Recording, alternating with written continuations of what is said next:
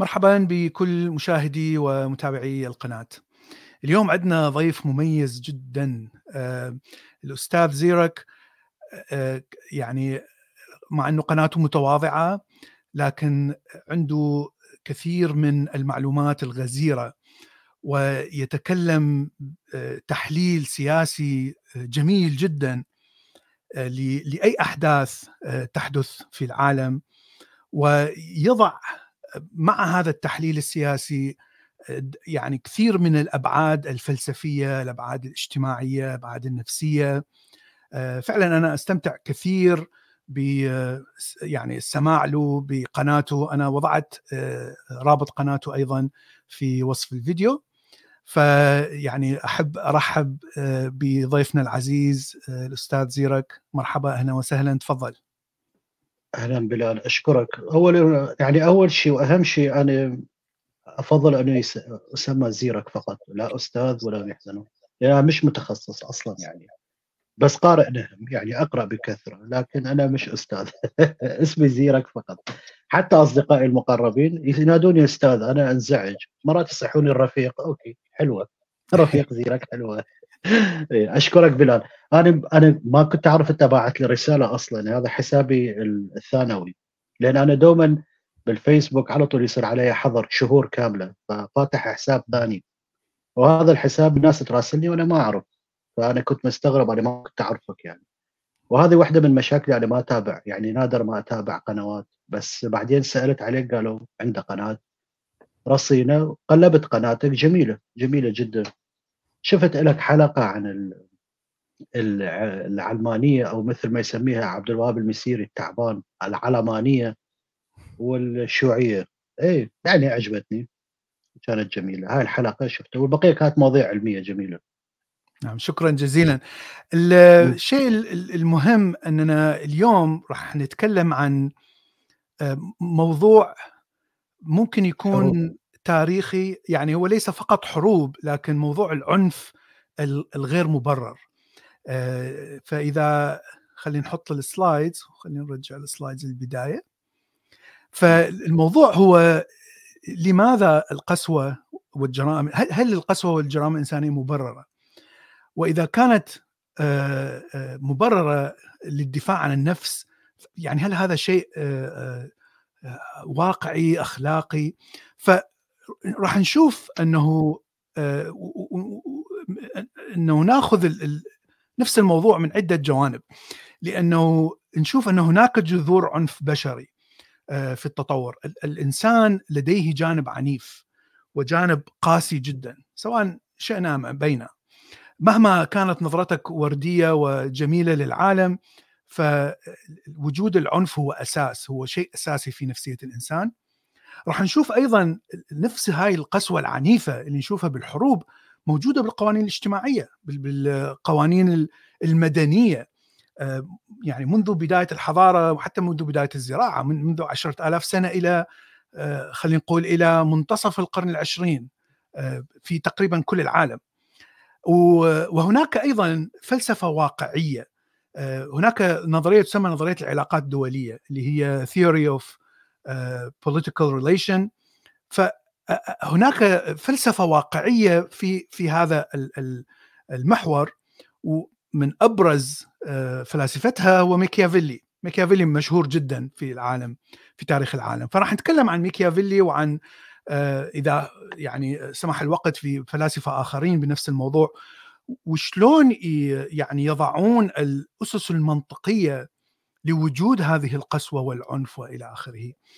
وبعدين نتكلم شوي عن عن الحروب طبعا الأمثلة اللي أكبر أمثلة من العنف الشديد المستخدم بالحروب ولماذا أستخدم آه، مع أن ممكن أن يعني آه، تدخل بالحرب و وممكن أن تكون نتيجة الحرب نفسها يعني المنتصر هو أيضا ينتصر لكن بدون هذا العنف الشديد.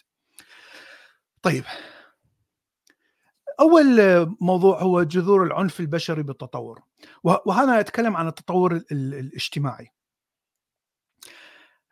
الشيء الطبيعي وهنا إحنا نتكلم عن قبل الزراعة. يعني الجماعات اللي هي hunter gatherer اللي يجمعون الطعام ويصيدون الطعام.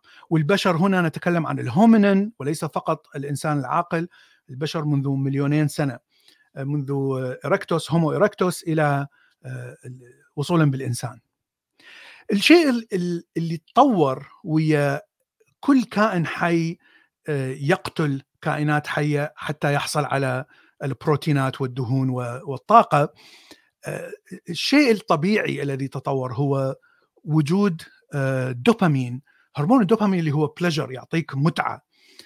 يعني كل ما تاكل مثلا حلويات تحس بالمتعة. هذا فعليا دوبامين يزيد بالدماغ. فالاشياء اللي عندما تقتل ضحية حتى تأكل مثلا الحيوانات المفترسة تشعر بهذا يزيد الدوبامين عندها. فعادة هذا الصفة تطورت عند الإنسان لما بدأ يصيد. الإنسان يعني قبل ظهور الأسلحة يعني كان يصيد أشياء بسيطة باليد. لكن بعد اخترع الأسلحة وأنا أتكلم قبل الإنسان عاقل طبعا يعني تقريبا مليون سنة ماضية عندما تطورت الأسلحة وبدأ يقتل بالأسلحة وبدأ يعني يقتل حتى مثلا الحيوانات المتوسطة الحجم تشوف صار بدأت صفة ال psychopathية تظهر أو جينات ال psychopathية بدأت تتورث إلى الأجيال لأنه إذا كنت psychopathy وال psychopathy هو الشخص الذي يعني يفقد الشعور ب empathy شعور بالشفقة. ف لأن تشابه الحيوان يعني فيزيولوجية الحيوان متشابهة جدا مع الإنسان. فعندما تقتل تشوف دم يعني تشوف نفس الأعضاء تشوف قلب تشوف معدة تشوف كذا تشوف يد يعني كلش متشابهة مع الإنسان. فإذا كان عندك شفقة كبيرة هاي صفة الإمباثي كبيرة تجاه الإنسان راح يكون عندك نوعا ما شفقة أيضا تجاه أي كائن حي يشبه هذا الإنسان. فصفة السايكوباثية لازم تتطور لأنه يعني أنت إذا قتلت حيوان في قبل اختراع الزراعة هذا معناها أنك تأكل قطعة صغيرة من اللحم راح تكفيك ثلاثة أيام لأنه الناس يعني ذاك الوقت كانوا يعني يشعرون بالجوع طول حياتهم. أنت تأكل مرة كل أسبوع مرة كل ثلاثة أيام مرة كل خمسة أيام. حياة صعبة جدا كانت. ولهذا عندما تقتل حيوان وتأكل لحم يعني هذا تعتبر جائزة كبيرة. هذا يعطيك يعني دافع أنك تعيش ثلاثة أيام أخرى بدون أن تموت جوعا. فشيء طبيعي شيء منطقي أن تتطور هذه الجينات السايكوباثية وتبدأ تتورث لأنه الانسان سايكوباثي راح يصيد أكثر حيوانات فراح يعيش أكثر فراح يمرر جيناته أكثر. أيضا طبعا حتى تدافع عن عن نفسك من من الحيوانات المفترسة لازم يكون عندك عنف، لازم يكون عندك قوة وشجاعة وعنف شديد. يعني عندك قوة تحمل وقوة عنف حتى مو بس تدافع عن حيوانات مفترسه حتى تدافع عن العشائر الأخرى الإنسانية سواء كان هومو نياندرتالس أو كان حتى وإن كان جنس مختلف من الهومو لكن الكل كان يتصارع على نفس الموارد. فإذا كانت هناك يعني حروب صغيرة بين هذه القبائل أو العشائر الصغيرة والحروب دامية صراع على الموارد. فلازم يجب أن يكون هناك عنف شديد يعني أيضا يتورث أيضا قد يكون جزء من الجين السايكوباثي أو قد يكون شيء ثقافي أنت تعلم أولادك أن يكونوا عنيفين جدا حتى يردون يعني حتى تعيش حتى تبقى فهذا الشيء نشوف العنف البشري هو يعني هذه أدلة على أن العنف البشري هو شيء أساسي وجزئي من تركيبة الإنسان. هناك يعني دراسات عن الجينات السايكوباثية يعني تعطي أعتقد أنا سويت فيديو عليها بس أعتقد تعطي نسبة يعني 10% 16% من اني population أي مجموعة أي شعب الأفراد يمتلكون جينات سايكوباثية. وأعتقد طبعا هذا افتراض مني أن هذه النسبة كانت أعلى بكثير قبل اختراع الزراعة. لأنه بعد اختراع الزراعة يعني لا يوجد داعي لهذه الدموية الشديدة داخل المدينة. لكن طبعا راح نشوف راح نشوف بعدين أنه لا أنه العنف لا زال موجود وهناك داعي لوجود هذا يعني هذه الجين ال psychopathy حتى إلى الآن تفضل عزيزي آه، أنت تكلمت عن الجينات هذه بالضبط هذا مشكل آه، المبحث هذا إشكالي كبير جدا هي فكرة ال gene warrior آه، اللي هي جينة المحارب. يعني هذه البحوث خطيرة جدا. تقريبا هي النسبة 10% مثل ما تفضلت أنت 10 إلى 15% 10% هذه الجين وورير جينة المحارب اللي تخليك إنسان عنيف جدا وتميل إلى السيكوباثية. المشكلة وين راح تصير؟ أنت من تقدم شخص إلى محكمة هو قاتل أشخاص قاتل شخص أو شخصين. راح يقول لك هذه جيناتك. بالضبط راح تتشابه الحجة مع الجنون. الجنون ينفي العقل فهو ينفي الإرادة. فأنت من ترتكب جريمة وأنت في حالة غياب كامل للعقل. فأنت نفيت صيغة الإرادة. اراده مش موجودة لأن العقل مش موجود فأنت راح تفلت من الجريمة. وهذه تستخدم بكثرة هذه الحجة في غياب العقل. تعاطى كمية عقارات. بس هنا المشكلة هل تعاطى عقار الذي يذهب عقله بإرادته؟ فهنا تثبت عليه الجريمة. لكن فرضا اكسيدنتلي أخذ دواء مثل أدوية المعدة أو القرحة فعليا تخليك تاخذ قرارات مش صائبة. يعني بها كمية مخدر نيم الأعصاب. فهنا يقول لك أنا أخذت هذا العقار وأنا مش داري بالموضوع فأنا من ارتكبت هذا الشيء ما كنت واعي. فهي تعتبر حجة لكن جين وورير هذه تقريبا في إرادة حتى بالمراكز العلمية وإرادة في المحاكم إنه يتم آه يتم آه التغطية على هذا الموضوع لأن أنت راح تفلت من مئات الجرائم. آه العنف مثل ما أنت تفضلت العنف غريزة أو عند فرويد أو عند كارل يونغ يسميه ال archetype أو النماذج الأولية اللي موجودة عند كارل يونغ كلاوعي جمعي يعني collective unconscious آه، عند فرويد العنف هو غريزة من أجل البقاء. أنت بدون عنف ما راح تقدر تستمر في مملكة الحيوان فهي غريزة آه، لها شقين.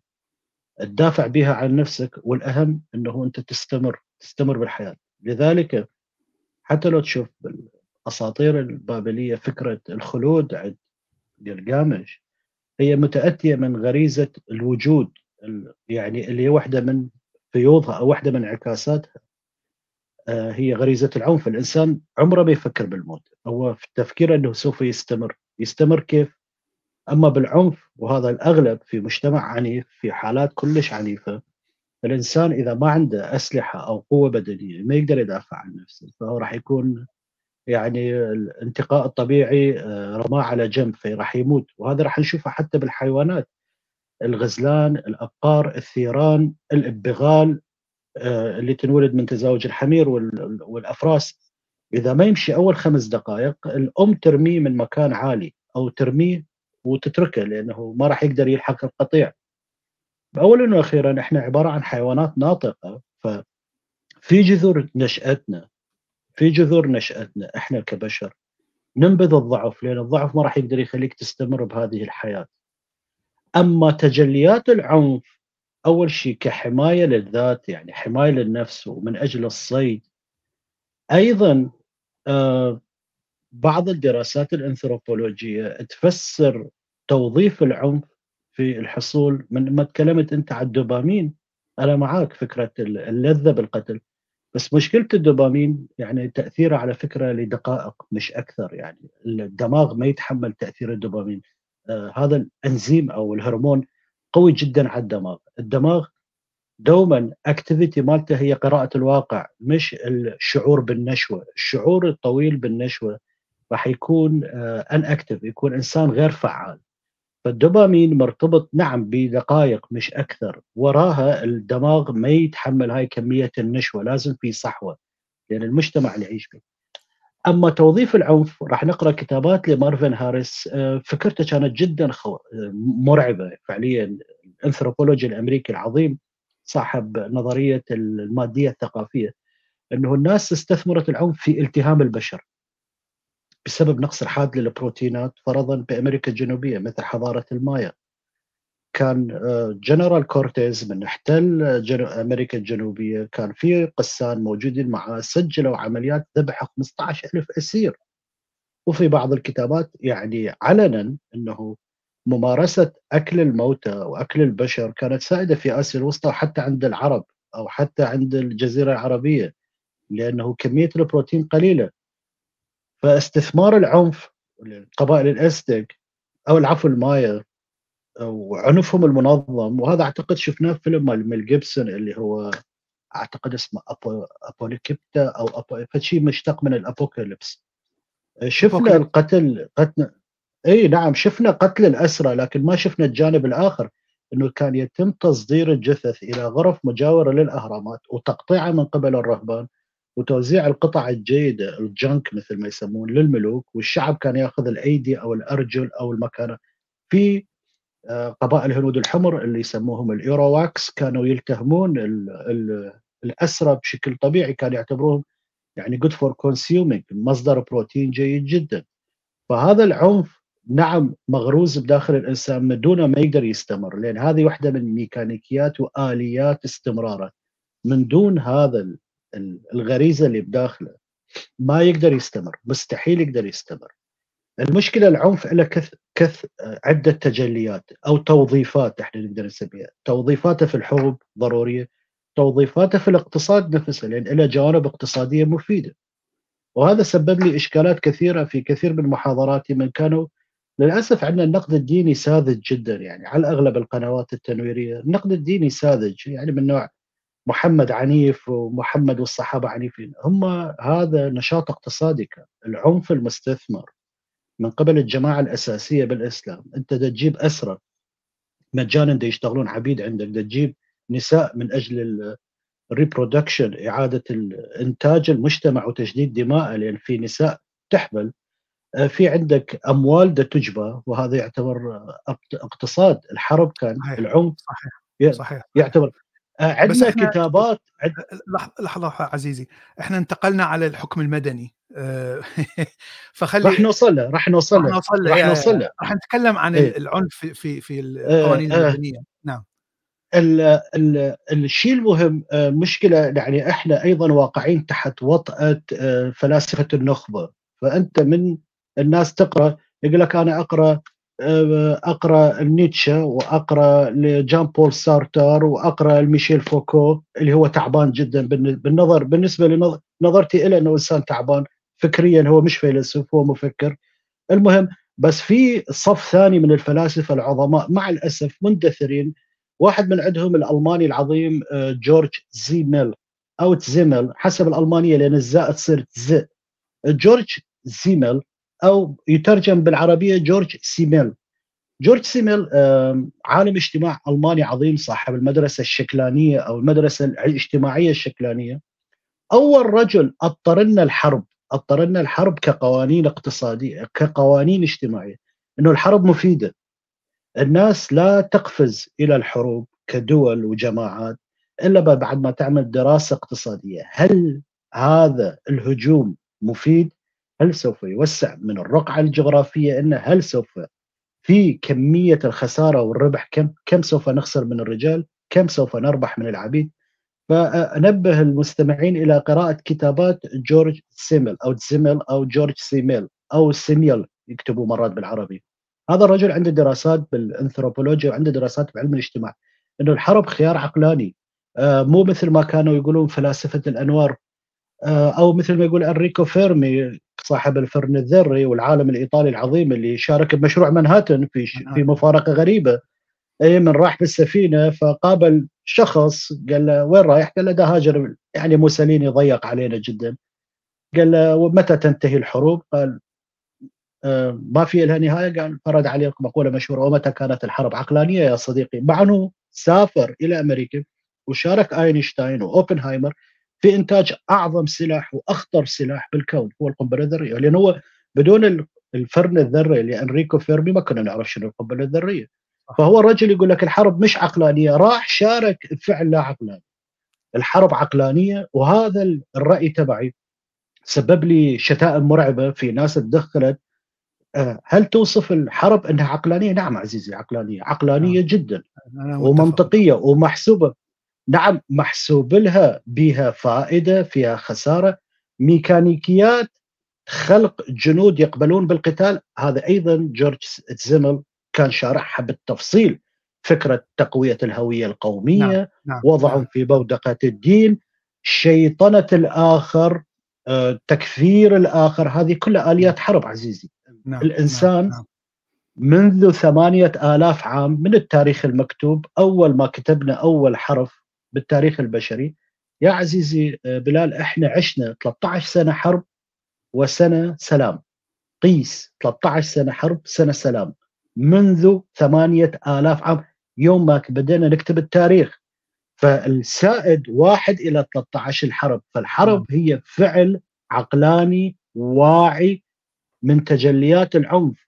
نعم. العنف نعم. أيضا لو نقرأ كتابات الفرنسي العظيم المجهول مع الأسف رينيه جيرارد صاحب كتاب العنف والمقدس يقول طبيعة البشر طبيعة البشر مهم جدا طبيعة التجمع الإنساني مش طبيعة الفرد طبيعة التجمع الإنساني إن منسوب العنف يرتفع بشكل تلقائي يجب أن يتم تنفيسه ألف إنسان مئة إنسان قاعدين في تجمع قرية بلدة تاون سميها ما شئت.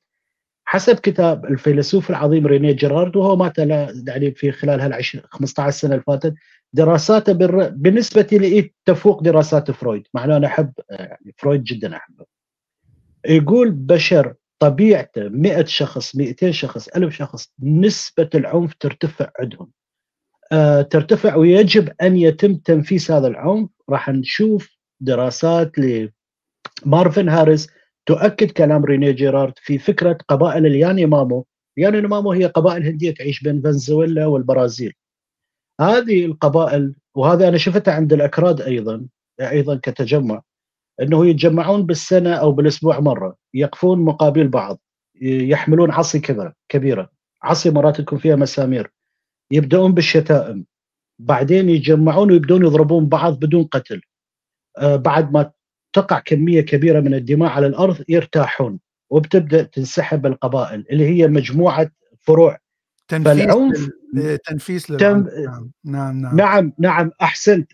العنف عند الإنسان لذلك آه ريني جيرارد عنده تفسير متطرف جدا الرعب اللي هو آه الدماء المربوطة بالدورة الشهرية عند الأنثى يعتبر إعلان حرب غير متنبأ بها. فلذلك كان اجى التابو إنه باليهودية تعزل توضع في كوخ القبائل الأفريقية توضع المرأة في كوخ قبائل الهنود الحمر التجمعات البدائية. مارفن هاريس ذاكر تقريبا 1080 تجمع يرعبون من أنثى تبدأ تطلق الدماء في غير وقتها لأن هم ما محددين وقت تنفيس العنف فيعتقدون إنه علامة شؤم أو إنه دي يخرب يخربون السكاجوال المرأة دا تخرب السكاجول اللي هو فرضا مانثلي مانثلي أو ييرلي أو انو يعني في تجمعات شهرية. نجي نشبع بعض ضرب ونترك علامات وسكارف وكل واحد يروح البيت أحسن ما ندخل حرب شاملة. فهذه نعم. قبائل الياني نعم. مامو أنت تقول هذول هنود حبر عايشين بكواخ يأكلون الدرانات مال البطاطا الحلوة. لا هم عباقره يعني هم بالمعرفة تراكميا. وهذه هذه قصة أخرى أنه الحكمة تنزل إلى هذه القبائل من آباء أو أجداد عباقرة لكنهم ما يفتهمون أسبابها. هو يقول لك إحنا لازم نتجمع ونشبع بعض ضرب. لازم. وإحنا بالعراق نفس الشيء من كنا نروح راس الشارع نشبع كتل من نروح على أولاد الشارع الثاني. اي نشبع ضرب. فأبوك يقول لك عافية الولد لازم ينضرب. سبع. المهم دخل بعركه بس عركه ما تفضي إلى نعم. نعم. صحيح. اي تطلع هرمونات الرجل كتلته العضلية منسوب التستوستيرون اللي هو يجننه. التستوستيرون هو هرمون العنف. صحيح. في دراسات بريطانية في دراسات بريطانية مرة جابوا ملاكم ملاكم أسود يعني ضخم الجثه وملاكم بطل تشامبيون يا رجل خلوه في شو يسموه؟ خلوه في بيت كله نساء فيتعارك ويا منه نسوان راح يضربهم. فعلموه يطبخ علموه آه، يكوي ملابس علموه يغسل علموه ينظف التستوستيرون نزل عنده 90% يا رجل. نزل عنده 90% يعني فعليا نزل عنده 90% لذلك الجنود الأمريكان اللي رجعوا من حرب الفيتنام حاملين عاهات نفسية وهي حرب الفيتنام أول ظهور لشيء أنا أسميه شرعنة السايكوباث. شرعنة السايكوباثية اللي أنت تكلمت عليها بالبداية شرعنت أو تم تشريعها في الفيتنام. العنف المفرط العبثي. فرجعوا وحوش. وين شغلهم؟ شغلهم في دوائر كلها نساء. صحبتهم مع النساء خفضت عندهم هرمونات التوتر وهرمونات الوحشية والعنف اللي بداخلهم. فالعنف آه، المشكلة مو بوجوده هو ضروري مثل المعدة مثل القلب مثل إدراكك آه، وعيك. لكن توظيفاته هي توظيفات عقلانية. يجوز إحنا نعترض عليها لكن هي مربحة. تحل الأمور بسرعة. صحيح. بدل ما أنت تقعد تتفاوض 100 سنة نابليون بعد ما شبع حروب قال 100 سنة مفاوضات ولا يوم نتحارب. يبقى اسمه اي عم أنت طحنت أوروبا كلها. صحيح. أنت السويس أنت سويسرا اللي هم القط ياكل عشاهم مثل ما يقولون السوريين دخلت واحتلتها ثمان سنوات. يعني اللي هم حياديين صار لهم 500 سنة وحيادهم عدواني يعني. فتفضل هذا نعم. بالنسبة لنا. نعم نعم نعم. شكرا شكرا. بس نقطة حاب أوضحها عن الدوبامين. تفضل. آه كلامك صحيح إنه لما شدة الدوبامين تصل إلى قمة صحيح آه، راح راح تبقى حتى مو دقائق حتى يعني حتى أقل من دقيقة شدتها. أقل من دقيقة. إيه. لكن آه، يعني الدماغ يزيد الدوبامين بشكل بطيء جدا. فأنت من تفكر راح تاكل وتريد تاكل مثلا راح تتخيل مثلا برجر راح تتخيل فد شيء كلش طيب. تخيلك هذا ومعرفتك أنه أنت ممكن أن تصل ممكن أن تشتري هذا هذا يزيد الدوبامين بشكل آه قليل. في فيدفع الكائن الحي أنه آه، يكمل الخطوات حتى يصل لهذه القمة اللي هي تأخذ ذكرتني آه، ذكرتني برواية المقامر لديستوفسكي كان هو يتلذذ بالخسارة باللعب مش بالخسارة والربح. لأنه كان الدوبامين عنده يصعد ما يوازي الاورجازم تخيل أنه ديستوفسكي العظيم أنا أقدسه نعم. أنه الدبا مجرد مجرد دخوله إلى صالة القمار. بالضبط بالضبط. وهذا إيه يرتفع دما بالضبط. وهاي مشكلة إيه؟ القمار. الناس اللي إيه. مقامرين المشكلة انه ما تدور ربح وخسارة. ده يتخيل إنه راح يربح هو هذا الدوبامين الشعور طبعا طبعا إذا ربح راح تصل إلى ماكسيمم خلينا ننتقل إيه؟ إلى القسوة العنيفة بالقوانين الاجتماعية. طبعا نتكلم إحنا ورا آه، آه، اختراع الزراعة فمفروض نسبة العنف تقل شوية. يعني مثل ما قلنا العنف هو أساس من البشر مثل ما تفضل عزيزنا زيرك أنه أساس آه، شيء أساسي من تركيبة البشر. والحاكم الشيخ الديني التاجر كل الطبقات الاجتماعية كل الوظائف الاجتماعية استخدمت هذا العنف آه، لمصلحتها. لكن نشوف حتى القوانين الاجتماعية كانت يعني تملك العنف الشديد من داخلها وهاي أمثلة آه، مشهورة في أوروبا العصور المظلمة آه، ما بين القرن العاشر والقرن ال 14 مثلا يتفننون في تعذيب الضحية. وكان التعذيب الضحية فقط لأنه آه، يعني مهرطق أو مشرك أو كذا. يعني مو تقول إنه هذا مثلا كان إنسان مجرم قتل ناس سرق. لا فقط آه، يعني عداء فكري بحت. لكن أسلوب التعذيب كان رهيب يعني غير مبرر تماما. إذا كان هذا شخص مهرطق أقتله وانتهي. لماذا هذه اللذة والسادية في في تعذيب هذا الشخص لمدة أيام وأسابيع إلى أن يموت من من التعذيب. مثلا الأمثلة الأخرى بالهند و منذ ألف سنة كان يستخدم رجل قدم الفيل أن تسحق رأس المحكوم عليه بالإعدام. يعني طريقة بشعة. وطبعا بالعثمانيين كانوا يضعون الشخص على الخازوق يدخل قضيب من من الدبر. ويعني الموت يتأخر لساعات. فهذا القسوة الزائدة. طبعا منطقيا أنه أنت من تستعمل هذه القسوة راح تردع تردع المجتمع أنه إما آه، لا يخرق القانون أو أنت تسحق عادة معينة أو صفة معينة بدأت تنتشر. فتسحقها بالخوف. وهذا الشيء موجود في كل مكان. يعني أتذكر بالثمانينات حرب إيران بالعراق آه، حكم صدام كان يحكم بالإعدام على أي شخص يبيع مخدرات. طب المخدرات لا تقتل يعني صح هي مدمرة للمجتمع وتأثيرها مدمر لكن حكومة الإعدام يعني هي أعلى بكثير من الجريمة القسوة أعلى بكثير من الجريمة نفسها أو أو العقوبة. فكان يعني حكم الإعدام كان سهل جدا وقت صدام وهذا الكلام ثمانينات بحيث يعني أتذكر طبعا أي شخص يعني يتكلم بسوء عن على صدام وعلى المح على الحكومة وإلى آخره أيضا كانوا يميلون إلى الإعدام. ف نتيجة لهذه القوانين تشوف أنه لا ما كان يوجد أي مخدرات بالعراق لم تكن منتشرة. للخوف. فخاصه الأشخاص الذين يعني ليست جنسياتهم عراقية. أتذكر في ذلك الوقت المخدرات انتشرت في مصر بشكل كبير الحشيشه وليست يعني مخدرات قوية. ماريوانا حشيشة. لكن كانت ممنوعة بالعراق. فأي مصري يحاول يدخل حشيشة أو يبيعها إعدام. أي شخص يحاول أن يوزعها إعدام. فتشوف أنه المخدرات قل يعني قلت بشكل كبير بالعراق. طبعا انتشرت الآن لأنه هذا الحكم غير موجود أيضا الأحكام الموجودة بالأديان يعني نعرف قطع اليد مثلا و أتذكر في وقت صدام كان هناك قطع الإذن إذا الشخص الجندي هرب من الجيش ف يعني نحن نعرف أن العنف قد يردع ربما قد تكون هذه سبب من من أسباب العنف أو القسوة العنيفة جدا داخل المجتمع المدني. تفضل.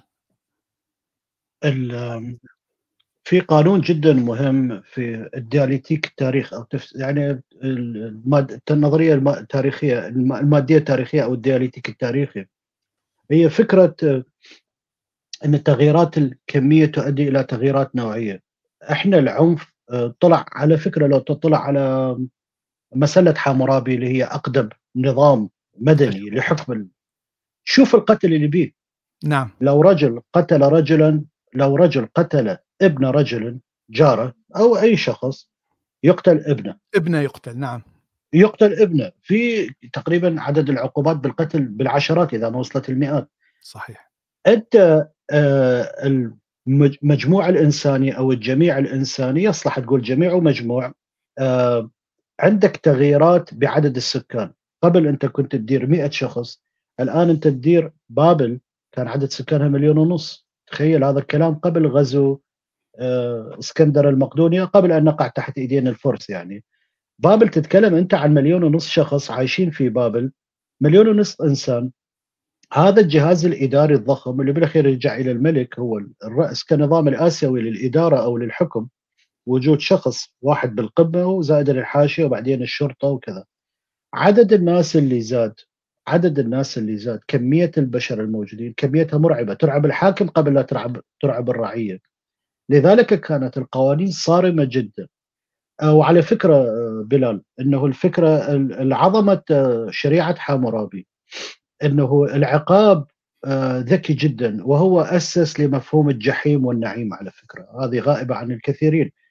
بشريعة حامورابي أنه فكرة أنت حتى لو فلتت من الجريمة في عقاب آخروي في جهنم.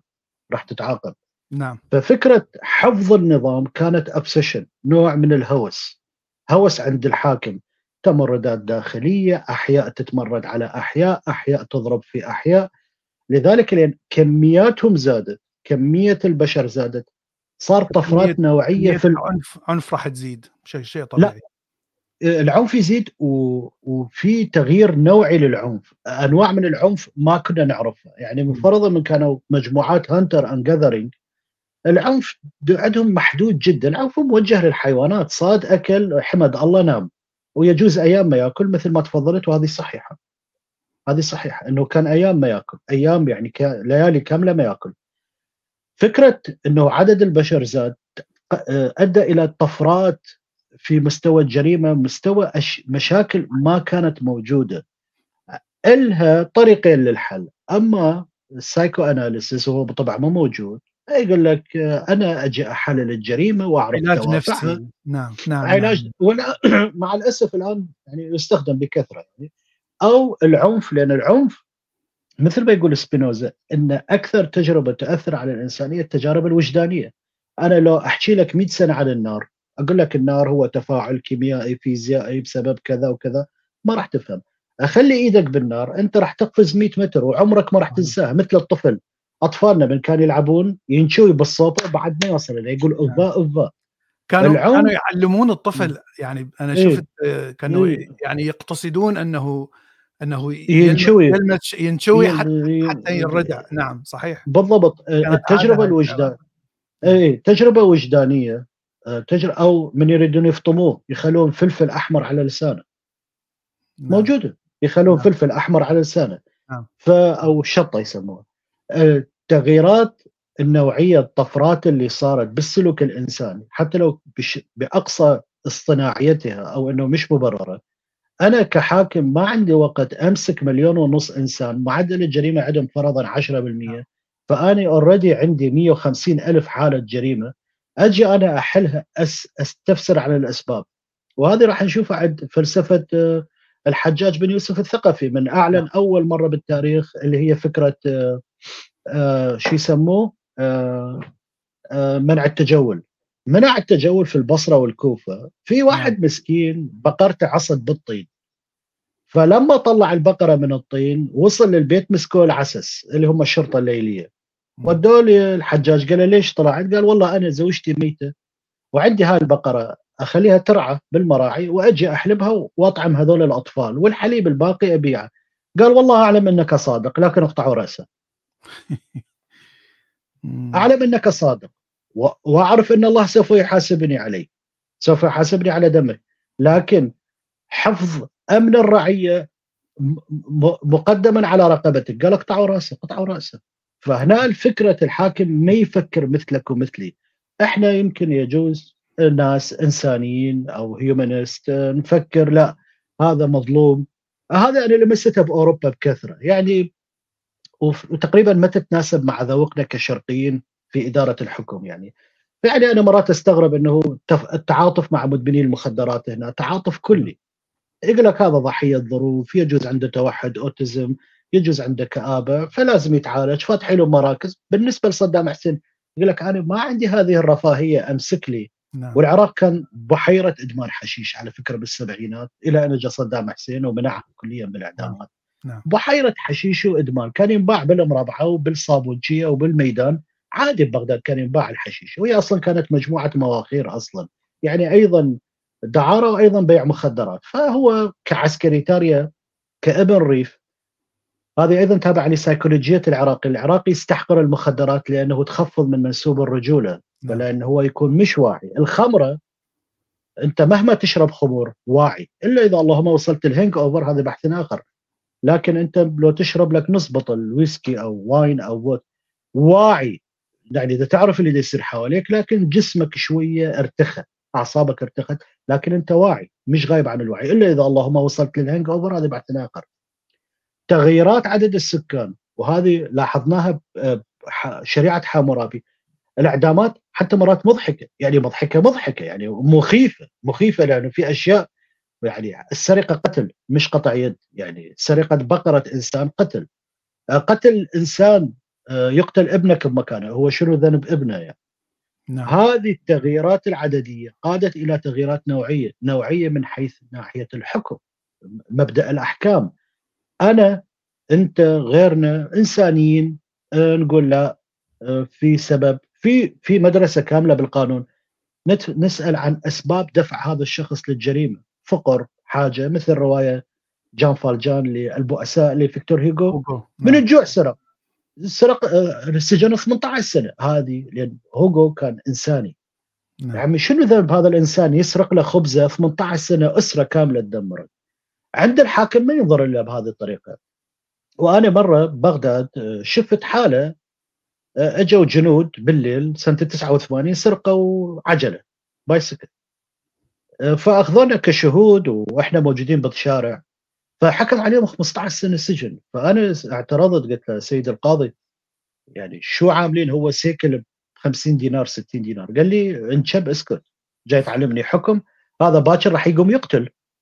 ما دام تجرأ وقلب على الجدار وأخذ سايكل أو بايسكل وعبر وفي ناس راقبت يعني هذا أنت في في صدد نشوء عصابة بكرة تقتل بكرة تخطب بكرة تطلب فدية فدمر حياتهم 15 سنة سجن. غير الضرب اللي أكلوه أنا من شفتهم ما عرفت. يعني نعم، الضرب اللي نعم أكلوه. نعم نعم. ملاحظة ملاحظة أنه إحنا يعني لا نمدح هذه الأنظمة. يعني يكون لا. شخص يقول لا طب لا لا, لا. طب اللي صدام. لا طبعا. إحنا نحاول لا. لا. أن, أن نفسر ليش تطورت آه. هذا العنف بلال. تطور؟ نعم. بلال اني فكرتي أنا أؤمن بال في الفينومينولوجيا. آه يعني تقريبا هي مدرسة هوسرل وباشلار جاستون باشلار. أنا ما أنفعل ويا الظاهرة. من أنفعل نعم. ويا الظاهرة؟ أنا إنسان فاشل. نحن نحلل نحلل أنا أنا مالي خص تقول لي هذا جيد سيء نعم. مش إنساني هذا نعم. سلوك نعم. طفولي نعم. هذا أي باحث وأنا ليش أحب فراس السواح الرجل ظهراتي حبيبي أنا ما أتفاعل ويا الناس أنا ما أتفاعل نعم. مع الظاهر على نعم. مثل عندنا الكابتن فايز الدويري اللي يطلع بقناة الجزيرة ويذكر آيات قرآنية وبعدين أحاديث وبعدين يذكر المعركة. عزيزي أنت محلل عسكري شو خصك بهالسوالف آه، هذه؟ محلل موضوعي. حتى يلعب بالمشاعر. نعم, نعم. هذا زين أنت تمشي ورا واحد يبتشيك مثلي بسمتك أنا متشائم كآبة عدمي نعم. ولا تمشي ورا واحد يضحكك. أنا دا أحكي لك الواقع. شئت أم أبيت قبلته رفضته هذا الواقع. هذا الواقع الشيء الشيء الواضح اللي نشوفه إنه حتى بعد إعلان حقوق الإنسان بالخمسينات القرن الماضي واللي هو شيء جميل جدا يعني إذا تقرأه فعليا شيء جميل جميل جدا لكن يعني تشوف إنه هذا الإعلان إنه لا يوجد عبودية، الإنسان له حق التكلم، حق التدين، حق الفكر، حق الطعام، حق العلاج، وهذه الحقوق يعني يجب أن تكون محمية من الدولة. فهذا لكن هذا الشيء ظهر بعد 10000 سنة من من اختراع الزراعة. فتشوف عزيزي تفضل تشوف أنه تفضل. يعني تشوف الفارق الرهيب بمحاولة لصنع قوانين تخفف من العنف. يعني يعني هذا يعطيك يعني بعد تاريخي. الشيء الآخر إذا تشوف هنا هنا بهاي الخريطة اختراقات حقوق الإنسان العام 2017 طبعا فقط اللي أخضر لونها أخضر وشوية أزرق هذول أفضل الدول التي أقل اختراقات تحدث فيها. يعني تقريبا العالم كله آه، حقوق الإنسان مخترقة بما فيها القوى الكبيرة أمريكا آه، بريطانيا فرنسا روسيا الصين كل هؤلاء الدول لديها اختراق لحقوق الإنسان بشكل يومي. وهذا شيء يعني مرعب. آه، ليس شيء جيد. يعني حتى مع وإحنا نتكلم داخل آه، يعني اختراق لهذه الدول داخل هذه الدول ليس بالحروب. الحروب آه، شيء آخر راح نتكلم عليه. بس بس هذا بدون حروب. ف يعني هذه يعني توضح لنا أنه المشكلة والعنف في القوانين وحتى وإن كانت القوانين أفضل لكن العنف البشري يظهر. آه، حتى وإن كان يخرق آه، هذه القوانين لا زال موجود لحد الآن في في العالم. في مسعى إحنا هنا تكلمنا كرياليستيك واقعية وأنا دا شفت تعليقات في ناس تقول كأنه أنا أطبل لصدام وقعوا بنفس الكارثة نعم نعم أنا إنسان موضوعي أنا مش مندمج ويا الموضوع أنا ما يخصني أنا عشت تحت حكم صدام فترة طويلة لا أنا أمدحها ولا أنا ذمه أنا أوصف لك ما حصل نعم. المشكلة دوما عندنا فد بايوس logic عندنا فد انحياز مدهش. عاطفي. يعني آه عاطفي. جدا. أنا عقلاني عزيزي أنا على فكرة نعوم تشومسكي بوحدة من المحاضرات العظيمة الفوضوي الأمريكي. قال إنه الاتحاد السوفيتي لمنتصف الثمانينات حقق أنا ما أتكلم لك عن ستالين، ستالين عمل طفرة في روسيا إنه الرجل بالسنة كان النمو الاقتصادي 20% الصين بعظمتها مليار و400 مساحة هائلة قوة صناعية هائلة ما حققت 10% ستالين حقق 20% رفع رفع روسيا من المحراث الذي يسحبه بغل أو حمار أو حصان إلى 57 هو مات بال 52 53 57 هم أطلقوا سبويتنيك اول قمر صناعي شئنا ما بينه لكن نعوم تشومسكي قال هل يبرر هذا التطور العمراني إنه رفع روسيا من العالم الرابع مش الثالث إلى العالم الثاني وفي أوج الاتحاد السوفيتي بالثمانينات كان مستوى المعيشة الروسي أو السوفيتي يوازي معيشة الأمريكي هل هذا يبرر قمع وقتل ومصادرة حقوق الإنسان ومصادرة أهم عنصر في الإنسان هي الحرية بدون حرية ما في إنسانية هذا هو الرجال منظر نعم. عمره قارب نعم. ال نعم. سنة نعم. إحنا من نوصف حاله ارجو من المتابع آه، يترك انحيازاته الدينية. كشيعي انت متاذي من صدام السنة أيضا تأذوا من عنده. الأكراد آني أباد قريتي. أكثر أكثر ناس تأذوا طبعا أنا أنا ككردي أنا صدام حسين قتل من عندي 45 ابن عم وابن خالة وابن نعم. عمة. نعم. بس مو معنى أمسك صورته وأبدأ ظالم عزيزي أنا أحلل منطقيا مالي خصم نعم. ماتوا نعم. نعم نعم. هذا آه، هذا شوف هذا ينقلنا كلامك هذا ينقلنا إلى هذا السلايد الفلسفة الواقعية أو الفلسفه الواقعية. لكن هي هي ليست الفلسفة المدرسة الفلسفة الواقعية. يعني لا تحاول ما تخلط هنا. هي النظرة الواقعية في الحقيقة في في نظرية العلاقات الدولية. ويعني أشهر شخص هو ميكيافيلي. مع إنه يعني هناك فيلسوف يوناني اللي هو ثوسيديز ثوسيديوس أو أختصر بثيو. يا ثيو يلا. هذا عبقري. ثيو نعم. ثيو عبقري. نعم. هذا حلل حلل آه، حروب آه، في وقت اليونان تقريبا آه، الحروب الهيلينية. إيه حروب الهيلينية. برواده وحروب نعم. البيلوبونيزية نعم. الكبرى والصغرى إيه. حللها بشكل علمي وبشكل سايكولوجي سايكولوجي بشري. فلغى فكرة أنه الآلهة تتدخل بالحروب ويعني شال تماما فكرة القصص الخرافية والأفكار اللي, اللي غير غير موجودة في الواقع. وحاول صح. ان يحلل فقط من صراع صراع الدول فيما بينها. ووضع آه، آه، أسس الفلسفة الواقعية آه، في ذلك الوقت اللي هي تكون يعني على أساس أنه self interest المهم أنه فقط مصلحتي نحكي صراع بين الدول طبعا والخوف الخوف وال self interest فإذا كان هناك خوف وكان هناك آه، غريزة بقاء فيقول أنه الحروب ستصير إنتاج طبيعي لهذا لأنه راح يصير هناك صراع. ميكيافيلي طبعا في كتاب الأمير يعني ثبت هذا الكلام. ومو بس هذا يعني حتى يعني شرع القسوة العنيفة. اعتبرها شيء جيد للدولة حتى حتى تسود وتضمن بس بشكل منطقي وفلسفي. يعني إحنا إحنا تكلمنا آه، حمورابي قوانين القوانين الدينية أيضا كانت لكن هؤلاء الأشخاص يعني حطوها بأسلوب فلسفي منطقي. فعادة الأمم دائما هناك تسابق أكثر مما هو صراع لكن صراع منفعي. فتسابق صراع منفعي مستمر وهناك استخدام للقوة. دائما هناك استخدام سواء كان حروب أو أو بدون حروب. تشوف دائما أمريكا تستعرض عضلاتها كوريا الشمالية تستعرض عضلات الصين تستعرض دائما تسوون آه، هاي الألعاب الحربية. هذا كله استعراض عضلات. هذا حتى بس أريد أستعمل القوة أشوفك أنه أنا عندي قوة. فيقول أن النظام العالمي هو فوضوي اناركيك هو ليس نظام عقلاني أو منطقي أو أخلاقي أو حتى فلسفي لا يمكن أن عقلاني عقلاني بس مش أخلاقي لحظة لحظة النظام إيه؟ وليس وليس تفكير إيه؟ الإنسان النظام آه نعم. هو فوضوي فيقول صح. أن لأنه وجود هذا النظام الفوضوي يعني نظام غابة بمعنى آخر آه. لأنه وجود هذا النظام الفوضوي فالحروب نتيجة طبيعية جدا ولهذا صح. ستحدث الحروب دائما ولن تقف وحتى ميكيافيلي يقول أنه حتى تحل مشكلة تستعمل الجيش تدخل بحرب وتسوي تحالف.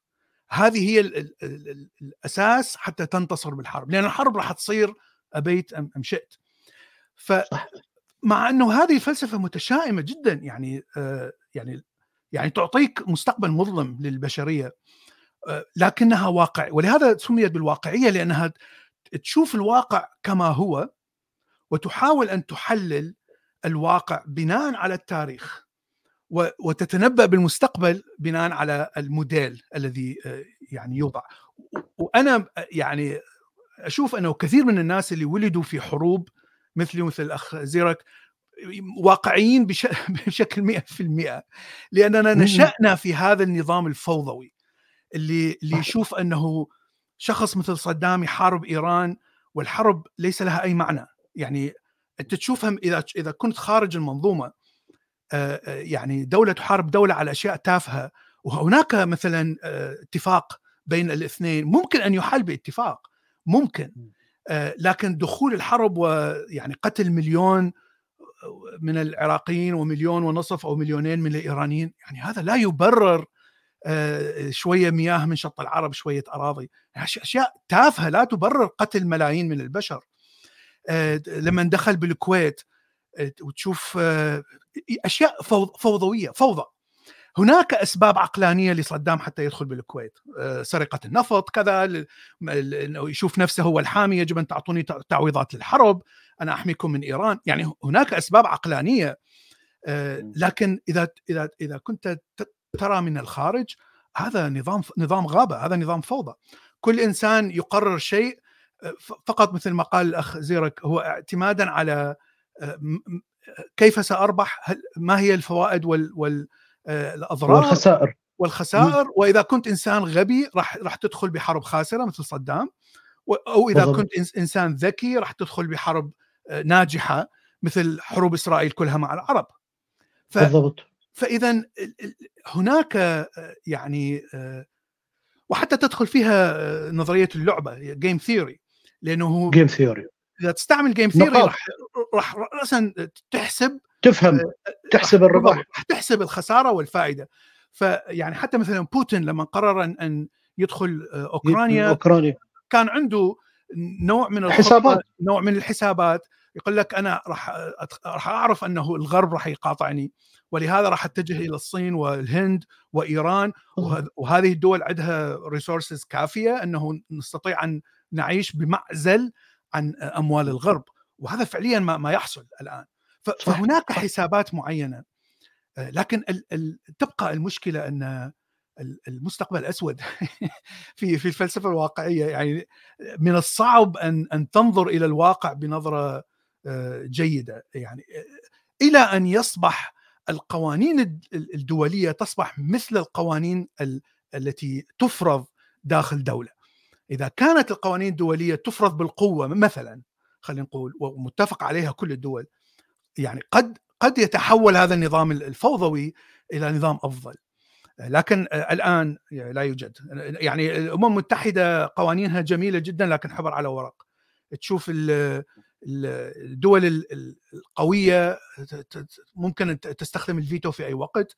القوانين التي تصدر حتى من مجلس الأمن لا تلزم الأعضاء. لا لا يوجد إلزام للأعضاء بتنفيذ هذه القوانين. اذا شنو شنو فائده القوانين هاي؟ دائما رد الفعل يصير من من بعض الدول يسوون حصار اقتصادي أو يعلنون الحرب أو كذا. فهذا الشيء هو يغير الواقع. لكن القانون نفسه عندما يصدر من مجلس الأمن لا يغير أي شيء. وهذه يعني شوفها بالتاريخ كله ليس فقط مثلا صراع العرب وإسرائيل.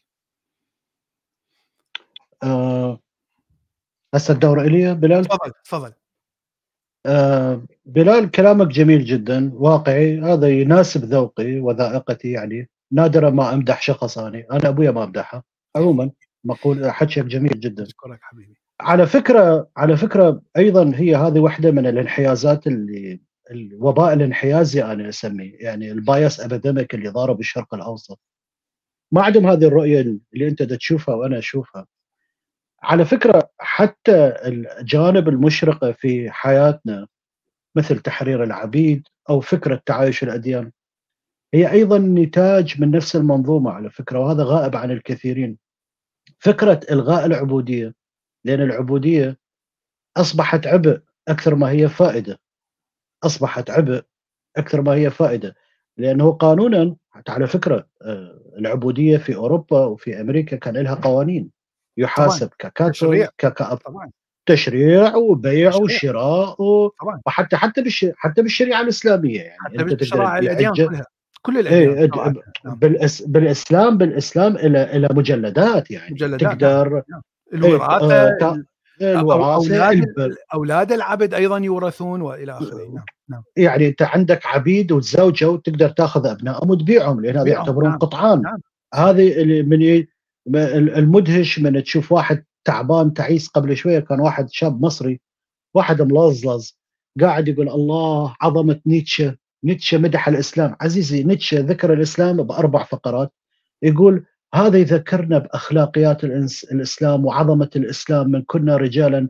نيتشه ما مطلع على التاريخ الإسلامي مش مثل جوته هو مش مستشرق.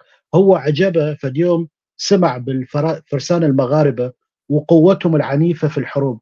فهو اعتقد انه هذول مسلمين هذول فرسان قتله هو شغلته قاتل يعني فهو عمل مقاربة مع فكرة ال ال الوحش الأشقر العظيم الأوروبي النبيل اللي كان يركب حصانة ويقتل الناس فيعني هذا الضعف الفكري عموما نعم. إنه نظام العبيد كان مفيد جدا اقتصاديا نعم. مع تطور وسائل الإنتاج أنماط الإنتاج العبد ملزم عند سيده إنه يطعمه ويؤويه المشكلة بسبب دورة رأس المال وظهور الث- الثورة الصناعية الكبرى وفكرة إنه النظام الاقتصادي فيه سايكل صعود ونزول فأنت ملزم تطعمه وتشربه وت- وتؤويه صحيح.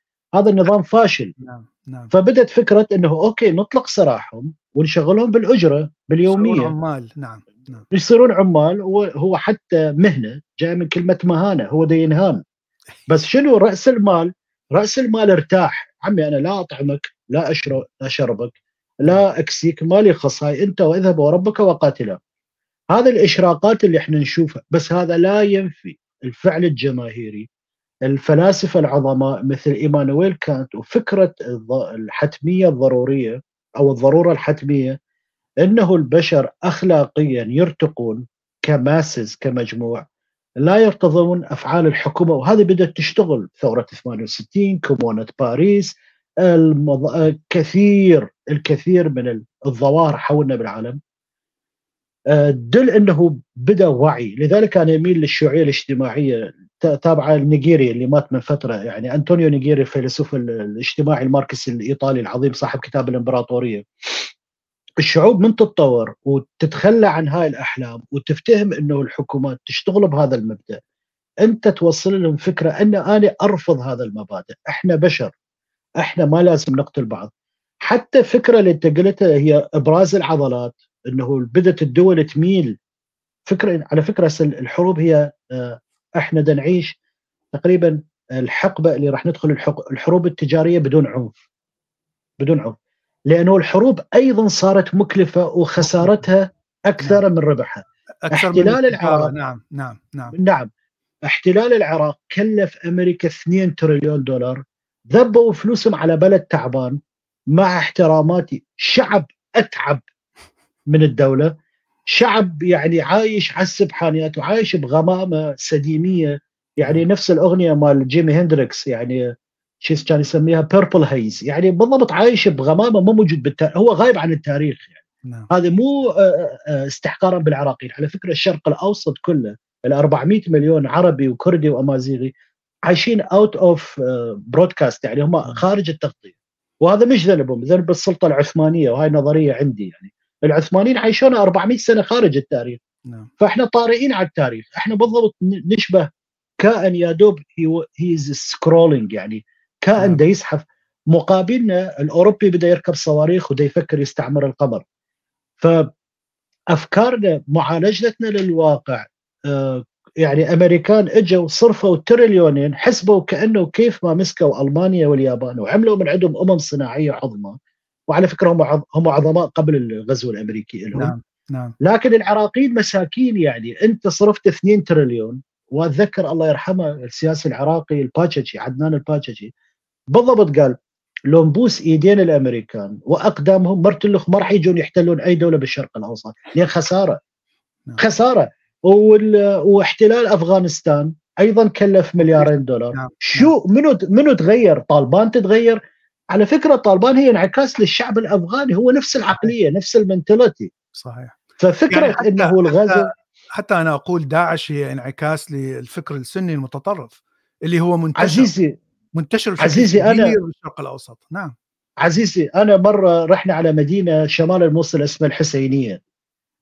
آه بعد ما تحررت من داعش. فانا دا أحكي ويا الصديق إلي قلت لهم لم يتغير شيء. ترى هذا هم نفس المنتاليتي نسوان ما شفناها. نعم. آه، أطفال آه، عراض بالشارع ورجال لحاياهم اللي هنا. نعم. وكل مترين جامع مش كل ثلاثة أمتار كل مترين جامع. فقلت له يعني هذه هذا آه هذا يعني شو ما يقول لك بالكردي تشتكي كاري دهيت خاري. ما ما تضعه في المطحنة ينزل. يعني إذا خليت نعم. حمص راح يطلع نعم. طحين حمص. خلي ذرة يطلع لك طحين ذرة. ما هذول نتاج هذول. الحروب الآن بدأت تقل. لو تسوي إنفوجرافيك الحروب قلت. لأن مش مربحة. يعني حتى هذا تقول وجهة النظر غير أخلاقية قادت إلى فكرة أخلاقية. إنه هاي الشغلة مثل ما يقولون العراقيين. آه آه آه شو يقولون؟ آه عزاء أو جنازة وطلعنا بها خسرانين. آه نعم. جنازة يعني نعم فبالضبط نعم. يعني أنت من تعمل جنازة من تعمل عزاء لازم تصرف أموال و... إيه إيه. طعام وأكل وكذا. ف... نعم. إيه فطلع مصطلح فاتحة وخسرانة. نعم يعني صح. الآن بالعراق لأن أنت بالأخير تستلم الفضل. الناس تلم تدفع لك آه، علشان تساعدك بالمصاريف مال العزاء ودفن الميت تدري مراسيم عندنا. نعم. نعم اي فيقول لك فاتحة وخسرانة. الآن بدأت يعني الصين مستحيل تدخل حرب. يقول لك أنا جبان. وطبيعتهم يعني يعلنون عنه عز عزيزي إحنا آخر غزو غزيناه للتبت نعم. سنة ال 54 56 وقلنا جاي ما نريد صحيح. وقفنا. فالحرب بدأت تقل لأنه آه، أرباحها قليلة. مش آه، ما تجيب تعبها. يعني أنت من احتليت أوروبا خليت الأوروبيين يرضخون إلى الأمريكان. أرباح حلوة. اليابانيين أرباح حلوة. لكن الآن دولة مثل العراق العراق لو يبيع نفط لألف سنة ما راح يعوض هذول ال 2 تريليون دولار. صحيح. ماذا يعوض؟ فالحرب الحرب بدت عموما تقل لأنه غير مجزية اقتصاديا. هذه وجهة نظر الحكومات. فكرة العبودية لأنه غير كاس مكسبة لرأس المال نعم. انقرضت لكن هاي. هذا لا يعني لا يعني إحنا كجماهير أو كناس نزيد الوعي لأنه إحنا نعم. بوعينا نعم. نقدر نعم. نقدر نقدر نتعامل ويا الدولة نعم. نقدر نفهمها إحنا مش شعوب غبية نعم. مثل الديمقراطية المباشرة الموجودة في سويسرا يعني أريد أتكلم يعني الي الحق نعم. لذلك الحرية أهم من الخبز حريتك ورأيك مهمة جدا مهمة شيء آه يعني يقودنا أيضا من من كلامك إنه كل شيء يدور حول الاقتصاد وكل صح. كل الأحداث التاريخية الدينية السياسية كلها الأخلاقية كلها تدور حول الاقتصاد والسيطرة، السيطره على آه. الدولة، السيطره آه. على المناطق التي أحتلها، سيطرة أنا ماركسي بلال أنا ماركسي أعرف تعرف فطبعا ماركس هو يعني أساس تفكيره هو الاقتصاد. الاقتصاد. الاقتصاد اللي هو اللي يدفع كل التغييرات اللي اللي ممكن قيس ف... فهاي يعني تقودنا إلى هذا السلايد الأخير اللي هي العنف الشديد اللي نشوفه بالحروب. آه هيروشيما ناكازاكي قنابل الذرية التي ألقيت قتلت 226 ألف شخص خلال أيام. آه نعم. قصف الحلفاء لدريسدن آه الالمانيه بحرب العالمية الثانية قتلت دانزنج إيه إيه. قتلت 25 25 أيضا خلال أيام. آه هاي الشيء اللي صار هسه آه إسرائيل قصف إسرائيل غزة ب 2023 أيضا قتل 20 ألف شخص خلال أيام خلال يعني أشهر خلينا نقول. آه يعني هذا هذه الأعمال آه، يعني إحنا من نظرة أخلاقية غير مبررة. عقل اقتصاديا مربحة مربحة اقتصاديا مربحة أحب انوه أحب انوه إنه نعم. قنبلة نووية رمت على هيروشيما وف... قصرت الحرب العالمية الثانية سنة. مو مو سنة. ترومان أعتقد هو ترومان. لحظة لحظة لحظة, لحظة. سنة كان اي نو اي نو بس بس لحظة لحظة. قبل آه قبل أنه يصير ال test الاختبار القنبلة الذرية ناجح كان يعني بوقته كان بوقته ايزنهاور آه نعم يعني كان يناقش شلون شلون ننهي الحرب كيف ننهي الحرب مع هؤلاء اليابانيين مجانين. مثل مجانين انتحاريين مثل داعش مستعد يموت في سبيل العقيدة. الإمبراطور. مستعد يموت في سبيل الإمبراطور. ف... صح. فكان هناك حتى خطط لغزو اليابان. لكن يعرفون إذا سوينا إنزال مثل ما سوينا إنزال على أوروبا راح نخسر ملايين جنود ملايين راح يروحون النورماندي. النورماندي. لأنه الألمان مثل اليابانيين مجانين يعني يموت في سبيل العقيدة. فكانت مشكلة كبيرة وكان يتوقع الحرب تستمر عشرات السنين مع اليابان. بالضبط لن تنتهي بالضبط. إلا إذا نخسر ملايين من الجنود وهذا كان شيء يعني صعب جدا لأنه بعد الخسارة الكبيرة في أوروبا. لما لما اجى ترومان ولما آه، عرف أنه اختبار القنبلة الذرية نجح. أصدر آه، بس يعني warning يعني يعني بس أطلق أنه لليابانيين عندنا سلاح رهيب كذا لكن ما شوفهم شنو قوة هذا السلاح. الشيء اللي صار هو أعطى أمر بإلقاء القنبلة على هيروشيما. فضربت هيروشيما طبعا التخريب كبير إلى آخره. الجنرالات اليابانية لم تهتم يقول لك يا هذول ضحايا خلي هذول يقدمون على شو اسمه معبد الحريه معبد اليابان العظيم. يعني هذا لا شيء بالنسبة لهم. يعني إله الشمس. شيء يعني فعلا اليابانيين مثل داعش مجانين. مجانين. آه قنبلة ناكازاكي آه ألقيت بدون موافقة ترومان. فبعد أن ألقيت القنبلة الثانية يعني راسا أدرك الإمبراطور أنه اليابان راح تنمسح فقال لك وجودنا أصبح خطر. نص حتى وان وإن أعطينا كل الشعب ضحايا يعني خلاص انتهى الموضوع ترومان لم يكن يعني يرغب بإلقاء قنبلة ثانية، كان يريد يعطي اليابان أكثر وقت، طبعا خلال ثلاثة أيام ألقيت القنبلة الثانية. لكن تخيل حتى ولو ألقيت قنبلة على مثلا معسكر جيش أو أو مكان ضاحية فيه فقط جيش، الجنرالات لن يهتموا. وهذه مشكلة التفكير الياباني. أنا أنا أنا ما أهتم ب حتى لو الجنود كلهم ماتوا راح أجيب الشعب أطفال راح أسويهم جنود. اذا الرادع الوحيد بالنسبة للتفكير الأمريكان أنه أضرب ال civilian أضرب المدنيين أضرب ال infrastructure آه، أمحي البنية التحتية مع أنه عمل إجرامي. يعني شيء أنا لحد الآن وكل شعب أمريكا ينظر إلى هذا بشكل إجرام. الدولة الوحيدة التي قتلت أكبر عدد من المدنيين هي أمريكا. آه، لكن ترومان يعني حاول أن أن يبرر يعني هناك دائما تبريرات سياسية مثل ما يبرر داعش بقتل الأيزيديين وأخذ الفتيات واغتصابهم تبرير ديني بحت. هناك دائما تبريرات لكن التبرير الأقوى هو اقتصادي. أنا أنا أوفر أموال استمرار الحرب لعشرات السنين. آه، والضحايا تكون من من عندهم ليس من عندي. اذا أنا رابح الصفقة مربحة. مم. نفس الشيء بقصف الحلفاء لدرزدن وقصف إسرائيل لغزة. يقول لك أنا حتى أحتل هذه المدينة هناك مقاومة شديدة جدا في هذه المدن. حرب حرب مدن خطيرة. حرب المدن مكلف بشكل كبير راح يكون مرعبة. عتاد رح لأن أنت راح تدخل وقناصين يضربوك من من خلف البيوت. فإذا أنت ستخسر خسائر بشرية كبيرة.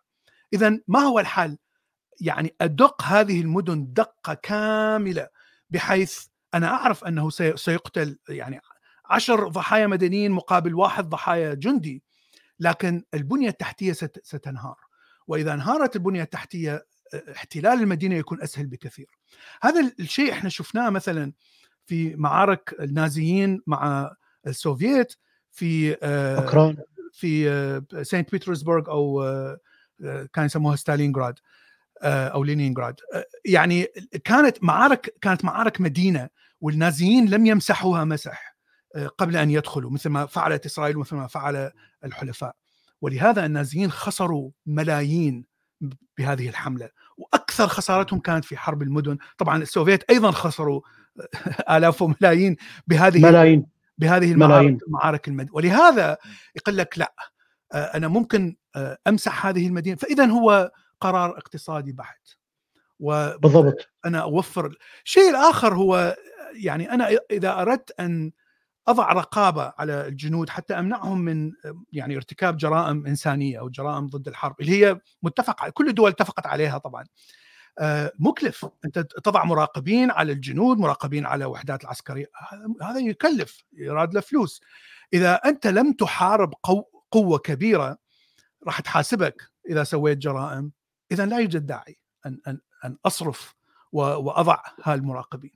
وهذه المصيبة الأخرى. يعني مثلا إذا دولة مثل إسرائيل دولة قوية جدا عسكرية تحارب أي دولة أخرى من الشرق الأوسط اللي هي دول تافهة جدا وضعيفة جدا عسكريا لا يوجد داعي ل ل يعني لوضع كل هذه المراقبات لا يوجد هذه دول تافهة سياسيا ليس لديها أي قوة. ف... فأنا أستطيع أن أفعل أي شيء في, في الحرب وتكون العقبة تكون قليلة جدا. أيضا يعني سبب اقتصادي. آخر نقطتين هو هناك شخص باحث أمريكي هو محامي اسمه ويليام ايكهارت نشر دراسة في الثمانينات ما هي ضحايا الحرب. في فترة من 1700 إلى 1980 للعالم كله. وطلع بتقدير 50% من الضحايا هم مدنيين سيفيليانز وهذه مصيبة. يعني أنت تتفكر أنه الجيوش لما تتحارب يعني أكثر القتلى من الجنود. لا يعني نصف القتلى من المدنيين الذين ليس لهم أي يعني أي غاية أو أي تهمة أو أي شو اسمه. المشكلة الأكبر أن نسبة مدنيين من ضحايا الحروب بعد الثمانين يعني بين ال 74 إلى 90% وهذه يعني مأساة كبيرة لأن آه، وأعتقد أنها قسم منها يأتي من من حروب الشرق الأوسط يعني غزو إسرائيل للبنان مثلا غزو العراق للكويت آه، شو اسمه داعش آه، الآن أو مو بس الآن يعني ضرب إسرائيل لغزة عدة مرات. فهذه يعني غيرت نسبة المدنيين الذين يموتون في الحروب. وهذه يعني مأساة كبيرة أعتقد أنها نتيجة لعدم وجود رادع ولوجود الفائدة الاقتصادية. تفضل. أه إحنا عندنا مفصل تاريخي بلال أه مفصل أه تاريخي مهم جدا في قضية قتل المدنيين. المفصل التاريخي هو اختلاف قوانين التشابك أو الاشتباك بالحروب. هذا المفصل سنة 1400 و22 أعتقد حصل مع هنري الخامس ملك بريطانيا. في معركة اسمها ارنكور أو ارجنت كور أو ارجنت كور ارجنت كور هذه المعركة بالطبع خلدها شكسبير بوحدة من من رواياته أو مسرحياته. هذه الحرب قبلها كانوا الأوروبيين من يتحاربون كنبلاء يعني جيش إلى جيش. وتحصل حالة من التلاسن ووجود حكم لحية بيضاء يسموه white beard يجي يقول لهم يعني هل في داعي للحرب؟ هل في داعي إنه نتضارب؟ هل في داعي إنه ندخل في بعض؟ آه صار صلح كان الله بها كل واحد يرجع لديرته ما صار يتحاربون لكن ضمن قواعد آه عدم قتل الأسرى عدم استخدام آه العنف المفرط رجال ها نفس معركة أحد أو بدر من يقول رجال من عندكم ورجال من نعم. عندنا ترى نفس القواعد هذا ما يسمى بأخلاق الفرسان نعم. الحرب فرسان. نعم. نعم. اللي هو نيتشه كان يبكي عليها. نعم. لكن الملعون هنري الخامس آه، العظمة وين؟ هنري الخامس. ما عنده جيش. هنري الخامس بريطانيا آه، آه، جزيرة 24 ساعة مطر عندهم بقر وعندهم غنم. يعني إيش عنده المقرود؟ فهو أصوله فرنسية أمه فرنسية. قال أنا أريد حقوقي في في فرنسا الممالك هذه الإمارات إلي. الرجل من راد يستدعي. مثل ما قالوا لك يا جحا عد غنمك قال واحدة نايمة واحدة قاعدة. البريطانيين كانوا غير مؤهلين للقتال خاصة يقاتلون دولة عريقة مثل فرنسا. فرنسا موجودة قديمة جدا عدد سكانها هائل. الرجل جند اللصوص والقتلة والسايكوباث والمغتصبين فعليا. 3000 شخص. اجوا ويا حثالة لندن. من دخل باشتباك؟ أسر بعض الفرنسيين. وخلاهم كقوانين الحرب في الخلف محميين. من الفرنسيين حاوطوه؟ الرجل قال أكون أو لا أكون الشعار الشكسبيري العظيم. فعليا خلال نص ساعة حطم رؤوس ألف نبيل فرنسي بالفؤوس. حطمهم أمام عيونهم في حالة من الاستعراضية تذكرك بداعش جابهم للأمام وضعهم على حطبات مال القصابين وبدأ يهرس رؤوسهم بايديه بالمطارق. فالفرنسيين قالوا لقد حلت القيامة. إحنا ما شايفين هيك واحد نجس. ما نعم. موجود هيك وحشيه ما موجوده وفعليا احتل احتل كل الشمال الغربي الفرنسي وضم إلى مملكة بريطانيا. وأسس أسرة قوية جدا. اذا هذه المعركة الفاصلة أرنكتور أو ارجنت كور بالطبع خلدت بالسينما موجودة إلى ولو في روايات متعددة ثلاث روايات لكن كلها تدور بنفس الإطار. إنه استخدم عنف ما موجود سابقا. ما موجود كان بالتاريخ الأوروبي هذه الوحشية. في قتل الأسرى ما موجود هيك شيء. أيضا نرجع على الفعل الاقتصادي. أنت من ذكرت ضربه هيروشيما ناكازاكي. على فكرة كان في طائرة ثالثة على وشك إنه تضرب طوكيو لكن كان الجو مغيم. يعني هذا اللي أنقذ طوكيو التدخل الإلهي الغيم فما كانوا يشوفون وين راح يضربون ال... وما عندنا هاي الرادارات والأقمار الصناعية كنا بعيدين جدا عن الآن تطورت الحروب وأصبحت أكثر عقلانية واقتصاديا. تحسب بالورقة والقلم. أنا لو ضربت الظهير الشعبي للجيش أنا من أقصف المدن. يكون الجندي على الجبهة انهار انهار معنويا. صحيح. يجوز أهلي راحوا بالقصف. هذا راح يختصر الحرب وراح يعظم الفائدة. أنا دارس بحوث عمليات operation research ال optimal أو مو ال optimal يعني ال absolute equation اللي نحن نبحث عنها. أنه آه، المصاريف قليلة والأرباح عظيمة. نضع معادلات أو يسموه الكريتيكال باث إحنا نريد نعظم الربح ونقلل المصاريف.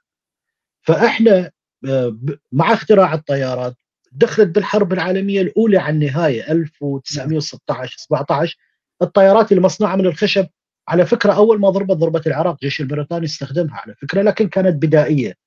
تراقب الجموع تراقب الكمائن.